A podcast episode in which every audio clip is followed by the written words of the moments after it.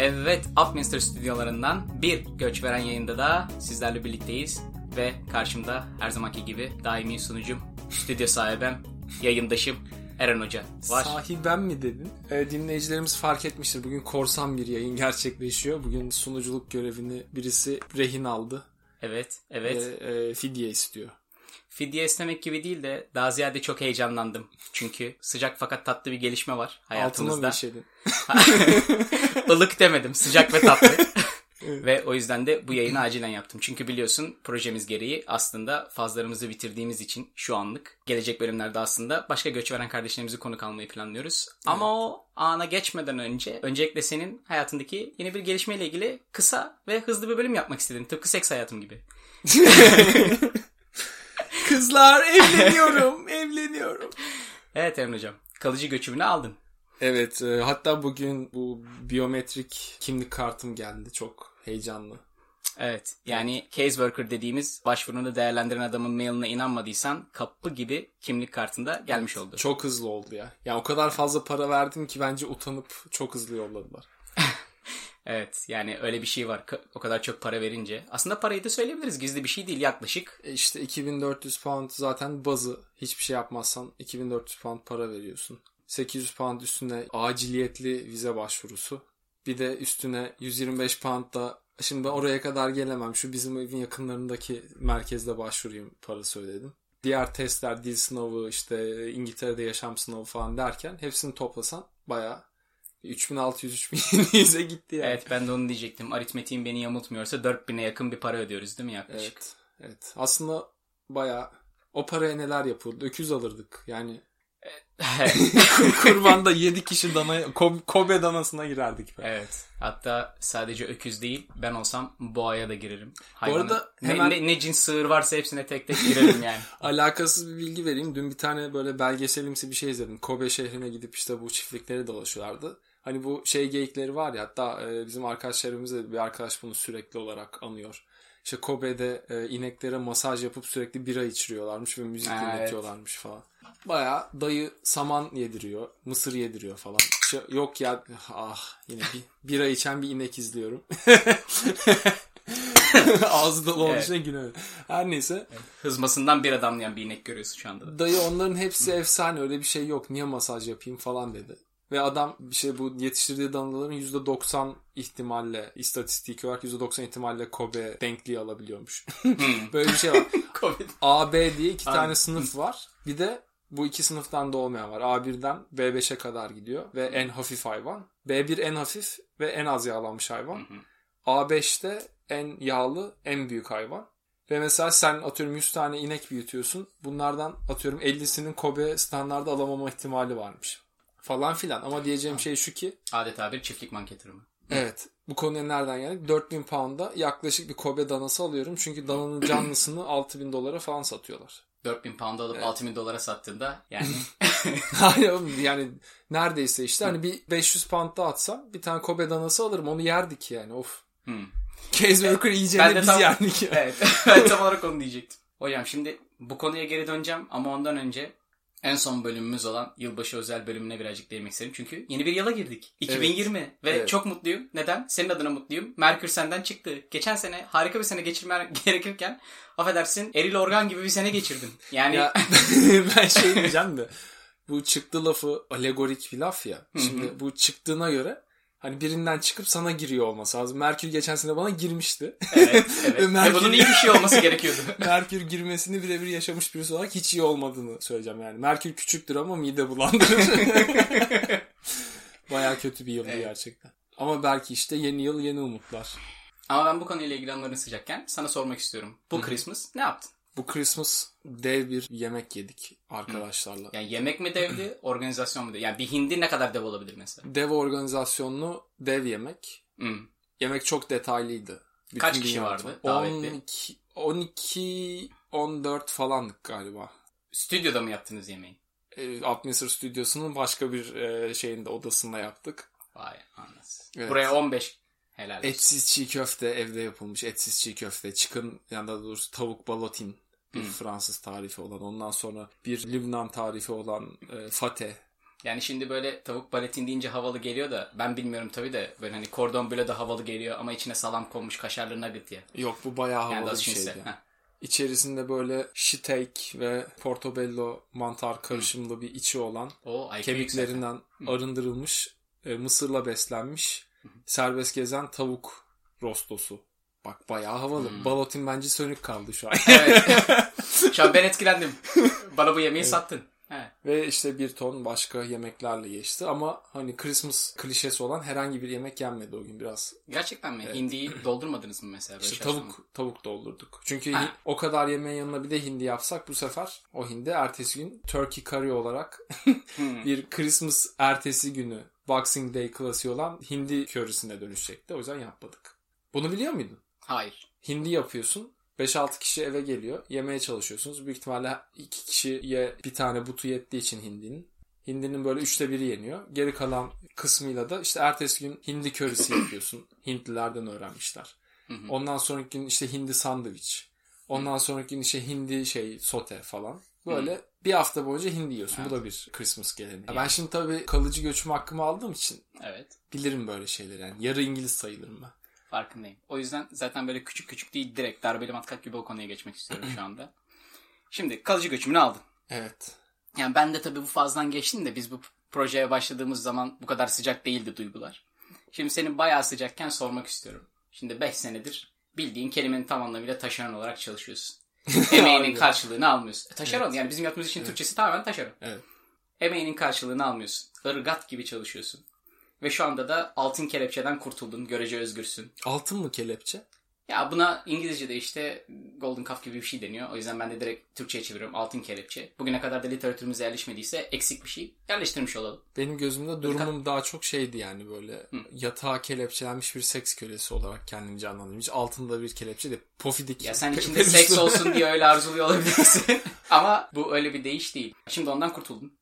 Evet. Dolayısıyla böyle bir emekçi gibi artık yumruğunu havaya kaldırıp senin gibi emekçiler adına çalışıp onların haklarını savunmayı mı düşünüyorsun yoksa ben özgürüm ha ha bay bay filan diye kapitale adeta daldızı daldırıp birazcık da balından kaymağından ben yiyeyim mi diyorsun? Öncelikle daldız ne? Atasözü vardır ya baldız baldan tatlıdır diye. Ha. Onun gerçeği daldız baldan tatlıdır aslında. Daldız ne oğlum? Daldız bal peteğine daldırılan kaşığa daldız deniyormuş. O yüzden de bak şimdi ne kadar mantıklı oldu laf değil mi? Daldız baldan tatlıdır. Yani sen ilk kaşığı daha taze taze petek bakirken daldırdığında o ilk bal danesinin tadı çok daha lezzetli oluyor. Öncelikle Atamız aslında bunu demek istemiş. öncelikle süzme bala daldırılan o fitilli tahta topçuğun isminin belli olmadığı bir dilde ya da bu dilin maruz kaldığı kültürde Hı hı.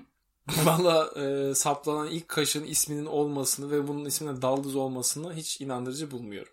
Tamam yani sen de bununla ilgili gerekli araştırmanı yaparsın.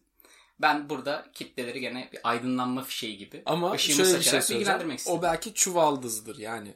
Mesela Hmm. çuvaldız da çünkü Türkçe'de belki diyemiyorlardır. Ya da çuvaldız kelimesi başka bir işte atıyorum Arapların falan gibi bir dile geçmiştir. Onlarda Ç harfi işte olmadığı için onlarda böyle v, v diye bir harf var ya. Hani kaddafi Evet abi ya. herhalde sen peteğin şeklinden dolayı kafan karıştı. Çuvaldız dediğin şeyle Ama hiç öyle hiç alakası yok. Hiç öyle düşünmemişim ama e, arılar petek örer biliyorsun. Evet ama çuvaldız da değil. Neyle örecek? Ay onun da iğnesi var. Ben ben yediğim ben yediğime bakarım. Onun içinde daldız kullanıyorum ben. Çuvaldız değil. Konunun ağzına s***ma göre. Sorumu yeniden toparlayacağım. Çok fazla ağdalı bir Türkçe kullanmadan. Şimdi hazır özgürlüğünü kazanmışken yeni fırsatların peşinde koşmaya karar verdin mi? Ya da başka bir şekilde sorayım. İstifa farz mıdır sünnet mi? Kalıcı göçüm sonrası. Ya istifa farzdır da işte onun zamanını iyi tutturmak lazım. Hı hı. Böyle şimdi imsak vakti hani güneş tam 3 adam boyu yükseldi mi yükselmedi mi bilmiyorsun yani böyle. Hmm. Hani hala yiyebilir miyim yiyemez miyim? Şu an öyle bir zaman böyle güneşin tam böyle 3 adam boyunda olduğuna emin olsam istifaya basacağım gibi bir durumdayım. Anladım. İş görüşmelerimi yaptım çok şükür. Çeşitli şekillerde şu an bulunduğum firmayı terk etmek üzereyim. Ama hani bu bir imzayı atalım da artık bunun adı belli olsun. Yani Hmm. niyetiniz ciddiyse gelirsiniz beni firmamdan istersiniz diyorum arkadaşlar. Onlar da diyor ki ya şimdi biz bir, bir hazırlığımızı yapalım. Çikolatamızı şeyimizi. Primimizi hazırlayalım.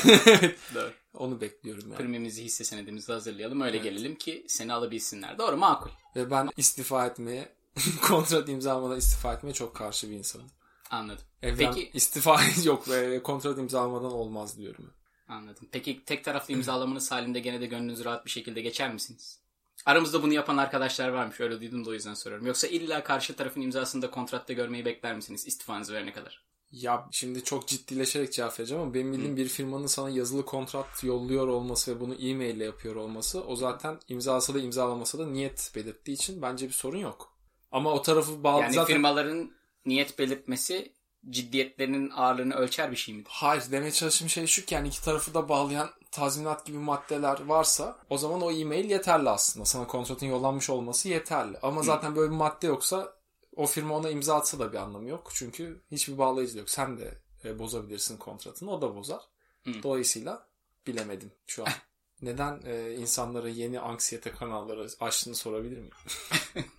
Ama yok benim için sorun olmaz ya istifa ederim net. Çünkü o kadar karaktersiz bir firmada çalışıyorum ki ben istifa etsem sonra da ya hacılar benim bir şey olmamış ben geri döneyim desem hiç lagalugo yapmadan ertesi gün işe alırlar beni. Ama bazen bu firmalar arasında profesyonellik olarak da değerlendiriliyor. Hani mesela torpil referans. Bunlar böyle birbiriyle değişmeli kullanılabilen şeyler. Hmm. Karaktersizlik, profesyonellik. Hmm. Bence Evet. bilmiyorum ya. Teşvik primi rüşvet. Bence benim firmam herhangi bir yani karakterle ilgili bir kaygısı yok firmamın. Karakter sınırlaması olan bir firma. Dolayısıyla sorun olacağını sanmıyorum ya. Anlıyor. Peki şimdi gene kalıcı göçümü almanın verdiği sıcaklıkla beraber hala etrafımızda böyle kalıcı göçüme çok yaklaşamamış insanlar bile varken bazen aynı masada yemek yiyoruz o insanlarla. Yani zavallılar. Heh, şimdi ben de tam onu soracaktım. Böyle bir hani onların aslında daha aşağı olduğunun bir anda böyle ayırdına varma, farkına varma, bir bu konuda aydınlanma yaşadınız mı? Yoksa iç, içten içe böyle kıh kıh kıh mı gülüyorsunuz? Ya birincisi onları daha aşağı görmek doğru bir şey değil. Çünkü olabilir yani onların kalıcı göçüm hakkı olmayabilir. Ama sonuçta onlar da insan. Ama içimden hani neden buradasın ki? Yani yarın öbür gün şimdi seni işinden etseler ülkene geri dönmek zorunda kalacaksın. Hı hı. Seninkisi de hayat mı? Burada sürünüyorsunuz diye geçiriyorum evet. Zaten yani kalıcı göçüm dediğimiz şeyin karşıtı olan geçici göçüm. Yani birinin böyle sponsorluğu altında kalma zarureti. Zaten başlı başına bana sorarsan ataerkil bir sisteme adeta boyun eğmek. Birinin sana sahip olmasının Bedenen sahip olması. yani sadece ruhen ve maneviyat olarak değil tabii ki aynı zamanda bedenen de sana sahip olması anlamına geliyor. Çünkü şimdi sponsorluk altında çalışan geçici göçüm hakkına sahip olan bazı iştaşlarımız görüyoruz ki Aa şimdi bu projede senin işin bitti. Şimdi ta 500 kilometre ötedeki şu yere git oradaki projede çalışacaksın. Bu arada maaşın aynı haberin olsun deyip aslında projeden onlar nereden baksan aylık 20 bin 30 bin pound fazla para tokatlıyorlar. O zaman Dolayısıyla sana bu tamamen senin sahipliğin. bir şey hatırlatmak istiyorum. Lütfen. Bakalım bu reklam cümlesinin mottosunun hangi markaya ait olduğunu hatırlayabilecek misin? Aşk bile bile tutsaklıktır. Bu bir parfüm Jagler. reklamı. Evet. Şimdi Evet, yani Jagler sponsorluk bile bile tutsaklıktır belki. o yüzden. ya ben şu an post production'da Jagler'i e, biplerim diye Hayır düşünüyordum. ya. Ki daha sonradan şunu düşündüm. Bence Jagler bu reklamda çoktan batmıştır. O yüzden hiç dememize gerek yok. Jagler hiç batmayacak firmalarımızdan birisi. Çünkü Neden yerli ve milli mi? Yo- Yok öyle hani yerli ve milliliğinden değil de hani bazı şeyler vardır ve onlar Türkiye'deki parfümeri ve berber gibi dükkanlar olduğu sürece olmaya devam edecektir ya. Kimin kullandığını sorarsın. Mesela böyle yoğurt kabı gibi kapta şeffaf beyaz yani şeffaf beyaz değil de jöle mesela. Hatırladın mı onu? Tabii ki hatırlıyorum. Hepimiz Elma- kullandık ergenlikte. Elma kokulu Hacı Şakir şampuan mesela. Kim alıyor? Bilmiyorum ama bütün berberler kullanıyor. Böyle üstünde yakışıklı, kumral, mavi gözlü, yüzünde de sabun köpüğü olan arko tıraş köpüğü.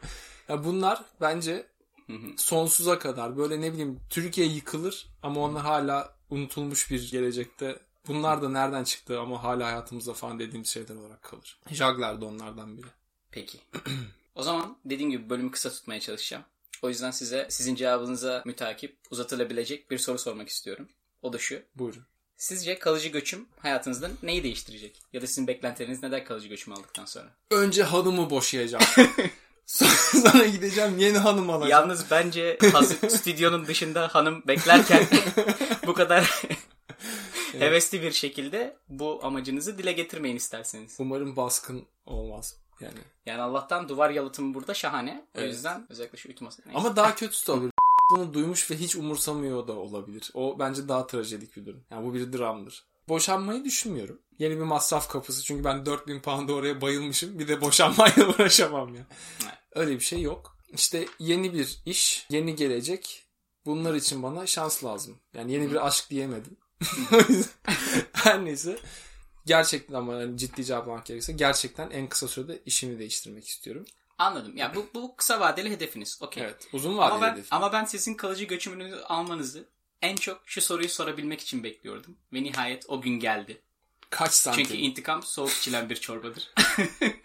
Yok. Kalıcı göçüm öncesi zaten penisiniz olmuyor.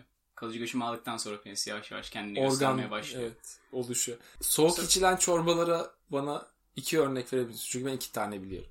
Ben hiç bilmiyorum. Ayran aşını kesin biliyorsun. Evet biliyormuşum. Ayran Evet. işini biliyorum evet. İkincisini de bilme ihtimalin çok yüksek. Gazpacho diye böyle bir domatesli ayran Ha, aşına evet, benzeyen bir evet, İta- evet, e, İspanyol evet, çorbası var. Evet ama onu hiç içmedim. Ama biliyorum ismen. Evet. Neyse sorumuza geri dönersek. Kaç Sormaya santim? çalıştığım soru şu. Hep benim hayalimi küçümsediniz, eziklediniz ve şimdi o gün geldi. Kalıcı göçümünü aldın ve taşınma hayalleri kuruyorsun. Dolayısıyla bu taşınma hayallerini gerçeklemek için sen de artık 30 yıllık mortgage'e girmek istiyor musun? Cevap veriyorum. Hı hı. Ne kadar kısa gelecek? Çünkü kısa gelecek de hayır. Ama ne kadar kısa gelecek ya? Yani gelecek ne Yani zaman gelecek diye mesela- soruyorsan çok hızlı geliyor söyleyeyim. 6 ay içinde gelecek ben söyleyeyim. Yok yok o kadar kısa gelecek kesin mortgage'a girmiyorum yani. Net. Tamam. Çünkü depozitosu birikmemiş olacak. Ben ondan bahsetmiyorum. Bir sene, iki sene olsun depozitosunun biriktiğini varsayalım. O da işte şuna bağlı. Şimdi bilmeyen dinleyicilerimiz için konuyu açıklayayım. İngiltere'de özellikle bazı şehirlerde. Bazı şehirler diyorum çünkü aslında sadece Londra değilmiş. Londra, Bath, işte Cambridge, Bristol bu gibi şehirlerde aslında emlak fiyatları tam Londra'nın atıyorum Mayfair bölgesi gibi 3-4 milyona, 5 milyona, 10 milyona ev satılmıyor belki ama ortalama olarak Londra'ya benzer emlak fiyatları olan yerlermiş. Ve İngiltere'de böyle yer sayısı 1-2 olmadığı için de paylaşımlı ortaklık programları var. Devlet bakıyor yani bu Londra'da artık ev alınmıyor. Zaten Londra ortalaması olmuş 500 bin pound. En iyi ile en kötü arasındaki ortalama şey bu. Fazla ya da işte ağırlıklı e, ortalama diyelim. Dolayısıyla şimdi 500 bin pound dediğiniz parayı atıyorum. 500 bin pound'dan fazla olabilir bu arada. Yani hadi 600 bin olsun yani. Hmm. Şey amaçlı söylüyorum yani bu ülkedeki asgari ücret işte yaklaşık sanırım 13 bin pound falan değil mi? Hmm. Yıl. Yıllık 13 bin pound. Yani bu insanın 50 sene işte hiç para harcamadan falan yaşaması gerekiyor. Ev sahibi olma ihtimali yok ya. Devlet de diyor ki ben o zaman ucuza ev yapayım. İnsanlar bu evin %20'sine 30'una sahip olsun ilk defa ev alıyorlarsa. Ben de ona çeşitli işte vergi indirimleri, faizde ne denir, sabit Düşük faiz. ya da düşük faiz uygulayayım falan gibi politikaları var. Şimdi- Ama evin %25 hissedar olmanıza rağmen evde siz yaşıyorsunuz ve arta kalan %75 için kira veriyorsunuz değil mi? Evet ve işte mortgage'da %25 için alıyorsun aslında. Evet. Geri kalan %75'ini ödememiş oluyorsun. Ama aslında evin tamamı senin değil. Anladım. Böylece de mortgage merdiveni dedikleri bir şeye giriyorsun galiba değil mi? Evet, işte %25 ile başlayıp. Onu satıp ya da işte olduğun evin e, kalan yüzdelerini alma falan gibi. Şimdi diyeceğim şey şu ki. Senin de dediğin gibi atıyorum evin %25'ine sahip olmak için %75'inde kira ödüyorsan zaten aslında biriktirebildiğin kısım o %25'lik kısım. Yani atıyorum işte 1000 pound kira ödüyordum eskiden. Şimdi mortgage'a girdim. Onun yerine 1000 pound mortgage ödüyorum denkleminde gerçekten paranın tamamını e, yine bir borcu kapatmak için kullanıyorsun ama aslında hem kira hem borç kapatmadığın için daha avantajlı bir şekilde şey yapabiliyorsun. Paran, ana paran elinden çıkıp sonra kademe kademe biriktirmeye başlıyorsun. Ama bu paylaşımlı ortaklıkta hem ana para elinden çıkıyor hem evin büyük bir kısmının kirasını ödüyorsun. Sadece küçük bir kısmında kademe kademe bir yerde biriktirmiş oluyorsun. Ve bununla ilgili iyi bir matematik hesabı yapmadan böyle bir işe girişmenin doğru olmadığını düşünüyorum. Ve Londra'da da ev alacaksan sen de biliyorsun. Öyle laps diye yüzde yüzünü verip işte bir e, 700 bine 800 bine 1 milyona ev almak çok kolay bir şey değil. Öyle bir Tabii para para aklamaya çalışan bir Rus veya Çin değilsen ki gerçekten durum böyle aslında. O yüzden Londra çok pahalı. Dolayısıyla şu an şeyi düşünmemiz gerekiyor. Paylaşımlı sahipliğe girişecek miyiz yoksa hani Londra'da olmayan Londra'ya yakın bir yerdeki bir e, böyle banliyö kısmından bir ev mi alacağızı hesap etmemiz lazım. O yüzden senin bu kısa sorunu uzun cevabım şu. Göreceğiz. Birkaç, birkaç sene içerisinde kesin almıyoruz. Hı hı. En azından bir buçuk sene içerisinde kesin almıyoruz. Ondan sonrasında da Allah büyük be Berkim. Artık ne fırsatlar çıkar ne olursa. Anladım. Evet hocam dediğim gibi yayını kısa tutmak istiyordum bugün. Bu kadar Böyle. mı? Bana bunları mı soracaksın? Nasıl Evet, diğer aslında- göçverenleri ne kadar aşağı gördüğümü falan sormayacağım? E, sordum çok yavaş geçtim. Ama ben daha doya doya değiş- ağzın dolu dolu anlatırsın. Böyle biraz köpürtürsün diye ümit ediyordum. Deş biraz. çok kısa deş. geçtin. Ama ben onu şuna yordum. Hani zaten kendinden aşağı gördüğün bir şeyle ilgili çok fazla konuşmazsın Olabilir. ya. Bende konu çok biliyor musun? Sen bana sor ya. Yeğenim bak bana sor sen. Benden film olur film.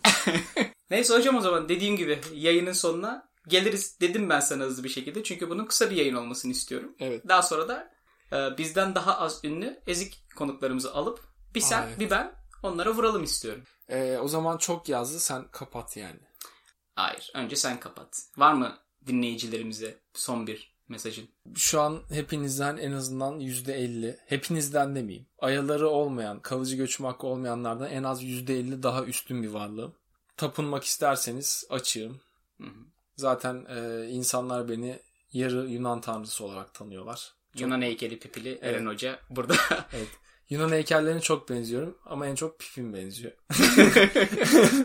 evet yani bütün bütün boş özgüvenli insanlar gibi bizim de pipimiz küçük zaten. Ve büyük araba. Büyük araba izleyecektim ama büyük arabalı da değiliz. Bizim pipimiz küçük. İyi günler, iyi akşamlar, günaydın. Görüşmek üzere. Hepinizi çok seviyorum.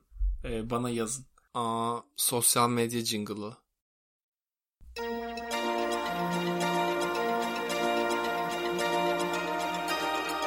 Hanımlar, nitelikli göçün niteliksiz yayını göç veren ayağınıza geldi. Bizlere Twitter, Instagram ve e-mail yoluyla ulaşabilir, dilek, istek ve şikayetlerinizi bildirebilirsiniz. Twitter adresimiz göçveren, Vay vay vay vay. Instagram adresimiz göçveren podcast Oo, ve e-mail adresimiz göçverenpodcast at gmail.com. yeah. Bizlere ulaşın.